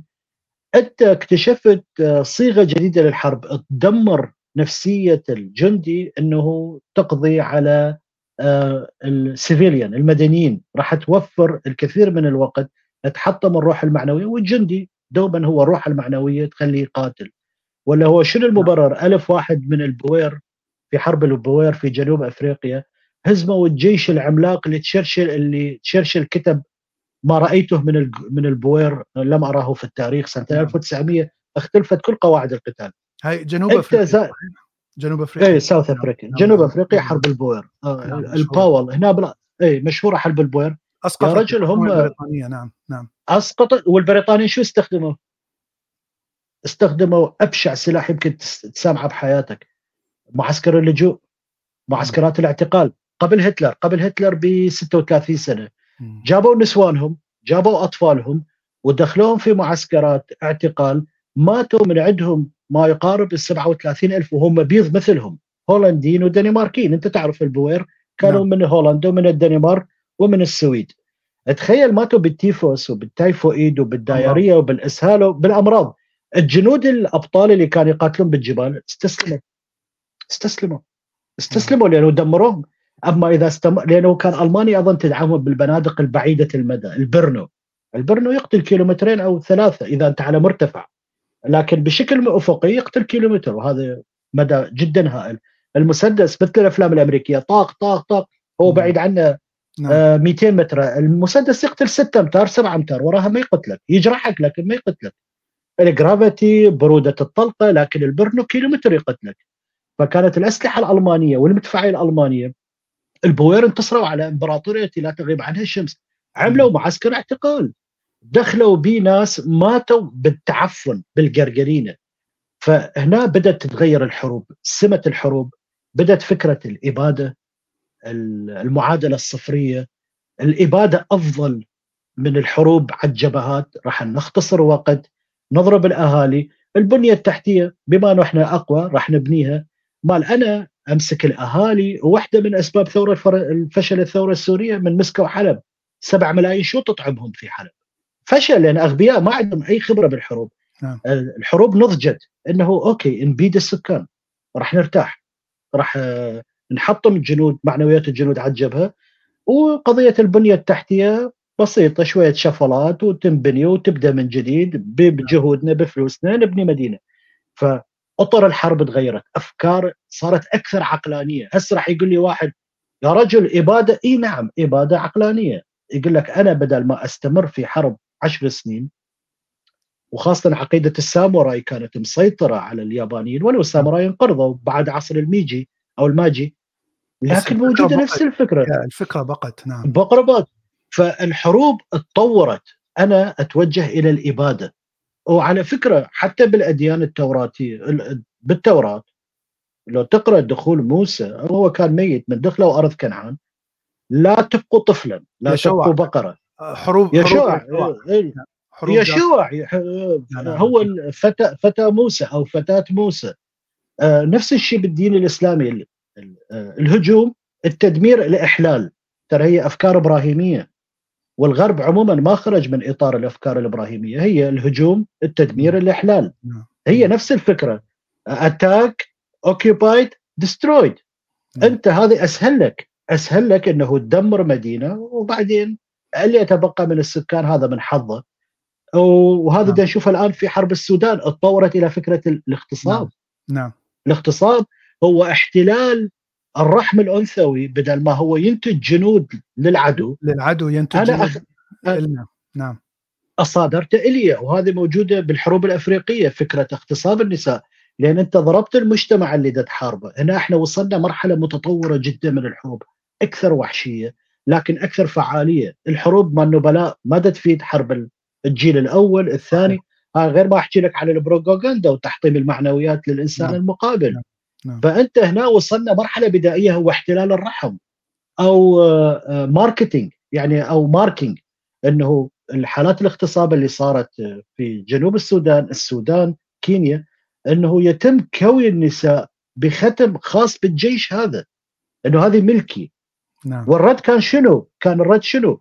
قتل نساء الجبهة المضادة علشان انت تبيد عرقهم إنه ما تخليهم يستمرون. فالنساء هي أكثر ضحايا الحروب. فهذه مع هذا- الأسف أيضا هذا الشيء اسباب القصة. هذا الشيء في الحقيقة حدث بالأمريكيتين ال- أمريكا اللاتينية إيه. والشمالية أمريكا اللاتينية نعم. الإسبان أبادوا آه، يعني آه، أجناس كثيرة من من ال- السكان المحليين ثقافات إحلال ثقافات اختفت كاملة لغات اختفت يعني نعم. شيء شيء مفزع مثل ما قلت كانوا يأخذون النساء ويضعوهم في شو اسمه في مكانات معينة وطبعا يغتصبوهم. فأطفال هؤلاء النساء يصيرون إسبانيين كاثوليك. بالضبط بس فيبقى ال ال ال يعني اللوكال أو ال- الناس المحليين بدون نساء بدون أولاد بدون كذا فيموتون ينقرضون وينقرضون. ينقرضون. هذا فعليا ما حصل. ما حصل هذا صدام. حسين. نعم. لا واحدة من جرائم صدام حسين إنه صادر 7000 امرأة برزانية من قبيلة بارزان. علشان البرزانيين ينقرضون موجود لكن. هذه الجريمة نعم. هذه الجريمة لن تذكر من الطرفين لأنه مخجلة. تدري قضايا النساء شوية نعم. شائكة. نعم نعم. إيه فهي كلها دوافع اقتصادية. أنت تقول لي في نبل في الحرب؟ لا. في عقلانية نعم. في أرباح في وخسائر؟ نعم, نعم في منطق اقتصادي. في في منطق. تريد تواجهه؟ نعم. تواجهه مثل ما واجهها شارلي شابلن في فيلم The Great Dictator من نعم. الجنرال الألماني المتمرد يقول نريد بعد عشر يهود يسوون عملية انتحارية قال له عمي ترى إحنا جبناء نعم نعم نعم فظهرت نظريات مثل ال- الناشط ال- الليبرالي الأمريكي العظيم ثور اللي أثر على غاندي إدوارد ثور أو شيء اسمه ثورو أو ثورو فكرة العصيان المدني أنا ما أشارك. عصيان المدني. حركة ال Quakers وال Shakers المسيحيتين. ال- الأميش إيه، نعم. أنا ما شارك رفضوا ما شارك. يشاركون بحرب فيتنام وسجنوا كثير منهم. نعم. سجن. محمد علي آه، محمد علي ما شارك ما قبل. رفضوا. أخي اسجني نعم. أنا إيه، ما أقاتل. هذه يجي فعل الجماهير.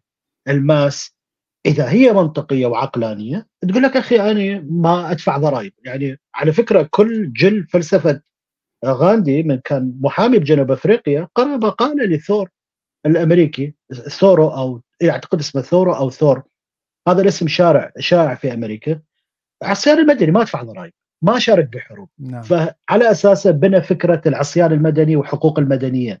نعم. الدكتور لوثر كينج مارتن لوثر كينج أعتقد نفس لوثر كينج نفس الخطأ نعم. نفس ألو... إي يعني أنت إذا تعول على الحكومات ومنطقة هذا منطقة عزيزي. إذا أنت تعول على الفعل الجماهيري نعم هاي انت افتهمت هذا الجمل وهذا الجمال وهذا نعم، اسلوبهم ف- ففي فأنت- الحقيقة في الحقيقة لما تضرب الاقتصاد يعني راح. راح تسوي تغيير مثل ما قلت لما بالضبط. لما غاندي آه، رفض رفض يدفع. رفض يعمل. فعليا رفضوا يعملوا بالمصانع مصانع إيه. الملابس اللي كانت تنتج بريطانيا ملايين ملايين بريطانيا انسحبت بريطانيا قالت. بريطانيا انسحبت وحاولوا طبعا تفيد. يقطعوا ويقتلوا ويسجنوا بس ما فاز قتلوا قتلوا.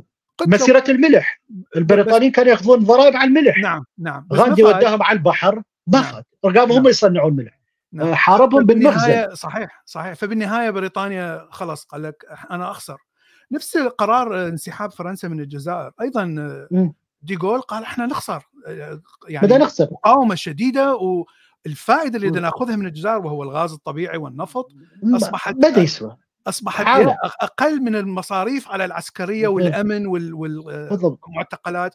قال لك لا انسحب واسيطر على اقتصادهم. من من آه، بعيد. بالضبط. إي نعم. فهو تخيل إنه يستورد الخضروات من المغرب ويبيعها للجزائر. يعني يفتل من لحية المغاربة ويبيعها نعم. على لحية الجزائريين. نعم لأن الجزائري والمغربي ما يطيق ما يطيقون بعض كجيران. نعم. فأنا يا عزيزي أحتلهم فكريا ثقافيا. ثورة الهمبرجر ثورة الماكدونالدز أنا بدل ما أحتل العالم let's the world American فكلتنا أمريكيين. نحب ال fast food ونحب براد بيت ونحب نعم. أنجلينا جولي. نعم. احتلك ب- بلطافة. احتلك يعني بلطافة. إيه يعني بدل ما أحتل العراق أنا أبيع للعراقي iPhone وبرجر و- آه، وأربح وبرجر و- وأربح أكثر. ففرصة السلام فرصة السلام العالمي موجودة. نعم. لأنه بدأت آه، حبيبي عزيزي نحتلهم اقتصاديا. نعم. يعني هاي الشركة اللي تصنع ال chip اللي تصنع ال integrated circuit ال IC نعم. الماكينة الخياطة اللي تعمل هذه الشيبس موجودة بس بأمريكا. سعرها 150 مليون دولار. نعم. لو العالم كله يوذن ما يقدر ياخذ هاي الماكينة ما نعرفها. شكلها عملاق بالطبع تصنع لك شيبس. تبيع لك إياه الإنترنت أمريكي آه، صفر ون. آه، الإنترنت أمريكي هو- ومجاني أنا ما هو هو تشيبات تشيبات التصميم براءة الاختراع أمريكا وأوروبا لكن إيه. التص- التصنيع كله تايوان تايوان، تايوان. ويعني دول جنوب شرق آسيا بس إيه. التصميم إيه. وبراءة الاختراع كلها من أمريكا وأوروبا والتقدم. العلمي للشيبات كله يأتي أيضا من أمريكا. يعني من أمريكا. Apple مثلا سوت design ال M 1 وال M 2 وال M 3 هاي الشيبات. اللي موجودة بال- بال Mac الآن. مم. يعني هاي سوت ثورة بال processing بال proc- processing فهذا هذا صنع في تايوان. لكن ال design والتصميم وبراءة الاختراع كلها من Apple ف- ففلوس يعني. أرباح مبيعات هذا ال M 1 كلها تروح ل Apple. جزء قليل Apple. منها يروح يروح لمصانع في في تايوان. وش قد يستلم العام تفضل. اي طبعا يعني طبعا. إحنا أنا اكشن يعني أنا سويت فيديو على كتاب آه، كتاب كارل ماركس العظيم آه، رأس المال آه، مع شادي. إيه يعني شادي. يعني فعلا أفكار يعني عظيمة. يعني يجب أن يقرأها كل إنسان سواء اتفقت لم تتفق أعجبتك طبيعي. لم تعجبك كلام منطقي يعتمد على الاقتصاد والمنفعة ال- ال- الذاتية. ف ف- فهنا هو نعم. تفضل.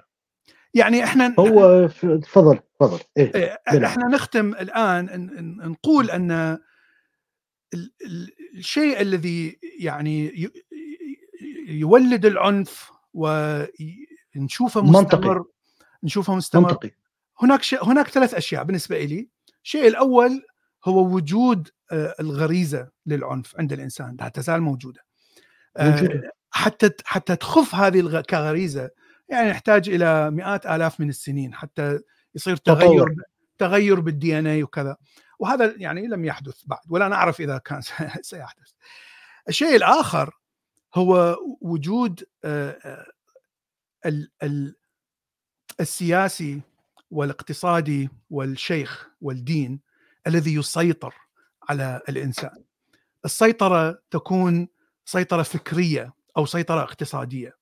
فالإنسان إما يخاف على لقمة العيش أو يخاف آه، أنه بعد الموت يروح جهنم. فأنت تسيطر على هؤلاء بواسطة الخوف. وكلما إذا احتليت مكان وحولت هذا الشعب إلى مثل دينك أو مثل أفكارك فتكون السيطرة عليهم أرخص بكثير. لأن أنت لا تحتاج أن. ترسل إليهم جيوش حتى يقمعوهم. فاذا بالضبط. هذا تطور هذا تطور وهذا أيضا يدفع بالعنف دائما. هذا يستغل آه هذه الغريزة ويعني يستغلها ويبرزها بأبشع صورة. داعش أبشع صورة للعنف من الدين آه، آه، والأديان الإبراهيمية. أبشع صورة نراها الآن من اليمين الإسرائيلي. اليمين الإسرائيلي الآن يقول يعني هناك آراء في حتى في في حكومة نتنياهو تخيل. يعني شخص وزير في حكومة إسرائيل يقول مفروض أنه يعني كل أهل غزة يرحلون ونبدأ نبنيها بمستوطنات يعني يعني هذا كلام أنت شو نازي أنت؟ جنسايد تسوي؟ يعني أنت تتكلم مثل النازيين. فمصيبة. الأديان الإبراهيمية بما فيها اليهودية والمسيحية والإسلام مصيبة. آه والشيء الثالث الاقتصاد. ما هي المنفعة؟ فإذا كانت المنفعة تكون أكبر باستخدام القسوة والعنف راح يستخدموها. إذا كانت مرحبا بها إذا كانت المنفعه أقل ما راح أستخدمها. فهل هاي الثلاث أطر هي يعني سبب ما نراه في في الحروب والعنف الشديد الغير مبرر آه، على مر التاريخ الانساني. آه، تفضل زيرك آه، مداخلة ختامية وننهي البث. والله أنا استمتعت وياك. ذكرني بديفيد ديفيد كان محاور جميل جدا الله يرحمه نعم نعم, نعم. شادي نعم. أيضا نعم. ارتاحيت جدا يعني ارتاحيت بس ما أخرج عن اللي أنت توصلت له بس إحنا كنتكلم عن التنوير ولا نكرة كلمة تنوير عن العقلنه الناس لازم ما تأخذ آه، الأمور بمنحى عاطفي بقدر ما تحلله بشكل نعم. منطقي نعم. الحروب ربح وخسارة. الحروب تطورت بالحرب العالمية الأولى والثانية وصلت إلى اوجها بحرب فيتنام وصلت إلى اوج اوج اوجها وأعتقد أنا أرشح لكم حلقة مهمة جدا بالموسم الثالث لمسلسل اسمه Black Mirror أعتقد بلال أنت تعرفه. نعم نعم جميل. اسم نعم. اسم اسم الحلقة Man on Fire إحنا بعد في إضاءات جميلة انه بالحرب العالمية الأولى الثانية 90% من الجنود كانوا يطلقون الرصاص بالهواء. هذا خلى القيادات العسكرية تفكر إنه الإنسان دوما مش ميال للقتل. على فكرة 90% من البشر هادئين ما يحبون المشاكل. 10% ميالين للعنف بس أنت ما تقدر تأسس جيش كامل على 10% نعم. فظهرت فكرة شيطنة الآخر والحلقة نعم. توصف لك آه، تشارلي تشارلي بروكر كاتب عظيم. هو استند على كتب للجنرال بالحرب العالمية الثانية. قال كثير من الجنود كانوا يضربون الهواء بالرصاص آه، يعني الرصاص بالهواء آه، وما كانوا يقاتلون. ظهرت فكرة إنه اللي تقتله هو حيوان. أيضا يجي من ذخيرة إبراهيمية. الأغيار الكفار نعم. فسطاط الإسلام وفسطاط الكفار. يعني هي أيضا الذخيرة الإبراهيمية موجودة. قاموا بالحرب العالم بحرب الفيتنام والكوريا هذا communist لازم نعم. تقتله هو يفتهم إنه communist وحش راح هذا آه نعم. نعم. راح يدمرني راح يدمرني هذا راح نعم. راح يدمرني نعم. هذا communist هذا فيتنامي قذر راح يموتنا فكرة نعم. غسيل الدماغ ال brainwash داعش من تقتل يقول لك هذول أغيار وهذول الجماعة نعم. إحنا اللي معانا مأمن عايش أحلى عيشة ضدنا ما عندنا أي رحمة فصارت فكرة برمجة المقاتل على الاباده نعم. من أجل نعم. رفع منسوب القتل من 10% إلى 100% نعم. فلذلك تشوف sociopath نعم. تحويل الإنسان إلى سايبر لكن لكن عن طريق و... الاجتماع عن طريق و... الافكار الاجتماعية. نعم. الأفكار اي أفكار يعني أنت بعظمة شارلي بروكر بهذا Man on Fire زرعوا chip براس الجنود. من يطالع الضحايا يشوفهم صراصير. يقول لك I kill the cockroach نعم. هذه الآن الآن عندنا نفس الخطاب بالعراق سني شيعي نعم. آه آه كردي يا عزيزي مو هذا مواطن أنت مغسول أنت brainwash تنغسل دماغك نعم. أنت بمجرد ما سويت clustering و classification عنقده وتصنيف هذا معناه أنت تبرر إبادة الآخر لا نعم. تكون نعم. ضحية الجيش لا تكون ضحية خلي ببالك طريقة غسل الدماغ مؤثرة بشكل كبير. يعني أنا أتذكر بال بالسبعينات الثمانينات كل ما يجي موضوع فلسطين واليهود والصهاينة لا لا لا لا لا أنا أحكي بس بس فلسطين إيه إيه. فلسطين. كل ما يظهر الموضوع هذا تشوف صور لناس ميتين وجثث معفنة وهذا هذه هي البروباغندا. هذا هو طريقة غسل الدماغ. فأنت ورأفت الهجان. من يطلع لك اليهودي أيوه يا حبيبي وهيك إيه، بهالطريقة وأصلع نعم. وشعره جايبه من وقذر نعم. ولحيته نص نعم محلوقة نعم نعم نعم. هذا تمثيل تفضل وكذب بس الفكرة إيه؟ إنه أنت تزرع الكره مو بالضبط. بالكلام لكن بالمشاعر بالأصوات م. الأطفال الذين يبكون نفس الطريقة يستخدمها اليهود في أمريكا وأوروبا بالضبط آه، كل ما تصير مشاكل ضد إسرائيل تشوف هاي الأفلام القديمة للمذبحه الهولوكوست الحرب العالمية الثانية إيه. شلون اليهود شافوهم شافوا جثثهم وكذا. فراسا المشاعر الإنسان الغربي تتغير. فيشعر بالعطف على إسرائيل ولا يشعر بالغضب. يعني فإحنا يعني أنا ما أقول أن الإنسان العراقي غبي آه، لأنه يصدق بهذه البروباغندا لكن هو هي طريقة فعالة جدا. حتى الإنسان العبقري راح يتأثر بها حتى الإنسان العقلاني جدا راح يتأثر بها يعني من الصعب نعم. من الصعب جدا أن تتخلص من من هذه الأفكار.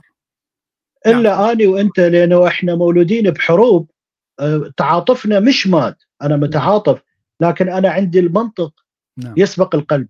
نعم. أنا متعاطف نعم لكن أدين الطرفين. لذلك أنا أذكر هوني من عملت سلسله عن طوفان قلت له الاثنين اسوء من بعض. صحيح فعليا أنا آه الشعوب إيه؟ الشعوب ليس لها يعني الشعوب هم, هم ضحايا. أما حماس أنا اليوم آه وإسرائيل إيه حكومة إسرائيل هم هم المدانين هم المجرمين. أنا متفق معك. يا رجل يا رجل أنا أنا مرة في دبي قبل 20 سنة قابلت آه، شخص كندي. تدري الثقافة الأمريكية طاغية على الكنديين ولو الكنديين عندهم إشراقات جميلة. نعم. آه فهو مشارك واحد روسي في شركة. يقول أنا سنة أسلم عليه وكل اللي أتخيله إنه هذا شيوعي قاتل دب وحشي قال طلع إنسان مثلي مسكين جاي دا يعيش عنده أطفال دا يبكي على مرته وأطفاله جاي دا يشتغل بهذا البلد الحار هذه نعم. كلها بروباغندا أمريكية نعم. فأنت نعم. إحنا مشكلتنا ضحية البروباغندا ومع الأسف سهلة وبسيطة لأن هي مبنية على مبدأ الكذب والبروباغندا مبنية على الكذب نعم. إحنا لازم نشوف الأمر بشكل منطقي. هذا عنده حق هذا عنده حق. يا رجل أنا اليوم الصبح عملت محاضرة. قلت سنة 82 من صارت مذبحة صبرا وشاتيلا. نص مليون إسرائيلي طلع عمل مظاهرات دعم للفلسطينيين في المخيمات اللبنانية. نعم نعم. مذابح داعش اللي حصلت بالعراق ما طلع مسلم يوحد الله. قال هذول العراقيين المساكين انسحقوا. نعم. فعليا بسبب البروباغندا. نعم نعم. بروباغندا. لو تجي على المو... تجي على المواطن الإسرائيلي منفتح أكثر من عندنا. أكيد أطور من عندنا. إنسان مو مثل ما أنت تتخيل. لوجود حريه عن... لوجود حرية حريه الحرية الرأي مقدسه مقدسة بالنسبة لي آه، فيلسوف امريكي آه، فيلسوف أمريكي عظيم اللي هو جون جون رولز. جون رولز هذا كان حبيب آه، كان كلينتون يحبه جدا. مفكر سياسي تقريبا هو آخر الفلاسفة السياسيين الأمريكان العظماء مات بال 2010 على ما 2001 2002 جون رولز أو كان يسموه جاك رولز. هذا الرجل عنده كتاب اسمه Justice. قال عمي اترك الخبز اترك المعيشه ازرع حس العدالة والعقلانية بالشعب. فهم what does mean justice and injustice. هل هذا الوضع عادل؟ لا. هل هذا الوضع منطقي؟ لا. واخترع مفهوم معقد اسمه رحم. حجاب الجهل. حجاب الجهل مبدأ عظيم عند جون جون جون رولز أو رولز. بالضبط هو اسمه رولز. قال يا رجل أنت تخيل أنه أنت خارج كوكب الأرض موجود خارج كوكب الأرض في حولك the veil حجاب. حجاب الجهل سمى the ignorance veil. وما واعي أنت لكن مش من حقك تختار عائلتك دينك مذهبك الأثنية لونك ميلك الجنسي اعتقاداتك. وترب ونزلت على الأرض. تقبل تعامل معاملة سيئة لأنه مسقط رأسك ومكان ولادتك. في مكان لم تختره أنت. فمبدأ حجاب الجهل من أعظم المبادئ نعم. اللي أخرجها نعم. جون لوز. أنه أنا ككردي شنو ذنبي؟ أنا كردي. أنت من تجي بالبرلمان تصيح الأكراد مكانهم الكهوف. أنا شنو ردة فعلي؟ عنف. نعم. أنا الآن مهدد بالإبادة. هذا the political voice هذا إنسان قاعد بالبرلمان. نعم نعم. من يعني أنت تتخيل من تقول فلان أسود. هو شنو ذنبه أسود؟ هو الولد نعم. أسود. نعم. فحجاب الجهل آه حجاب الجهل. واحدة من أبضع أعظم المبادئ اللي وضعها جون رولز إنه يا ترى أنت لو تغمض عيونك وتقول أنا ولدت في أفريقيا أو انولدت في لندن هو يعطي مثال. ما هو حظك لو ولدت ل single mother في ديترويت؟ على أن تنولد إلى دكتور ودكتورة أسنان في نيويورك. عيشتك نعم. لوز. طبعا. لكن أنت single mother أمك بدها تشتغل من الصبح لليل لما تجيب لك fast food وبطل بيبسي وأنت راح تصير obese سمين مدرستك تعيسة لأنه تخص الأقليات والأعراق السوداء. بالطبع حظك ما راح يشبه حظ ابن دكتور الأسنان. راح تتجه للجريمة حتى تحصل على الجريمة اي. فالعدالة إنه تحيط نفسك بحجاب الجهل. أنا اللي أحب نفسي مثل ما قال آه، إيمانويل كانت مبدأ الضرورة الحتمية.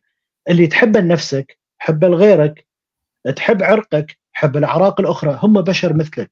نعم. إذا هم يميلون للجريمة لأن وضعهم سيء. إذا يميلون للعنف لأن وضعهم عنيف.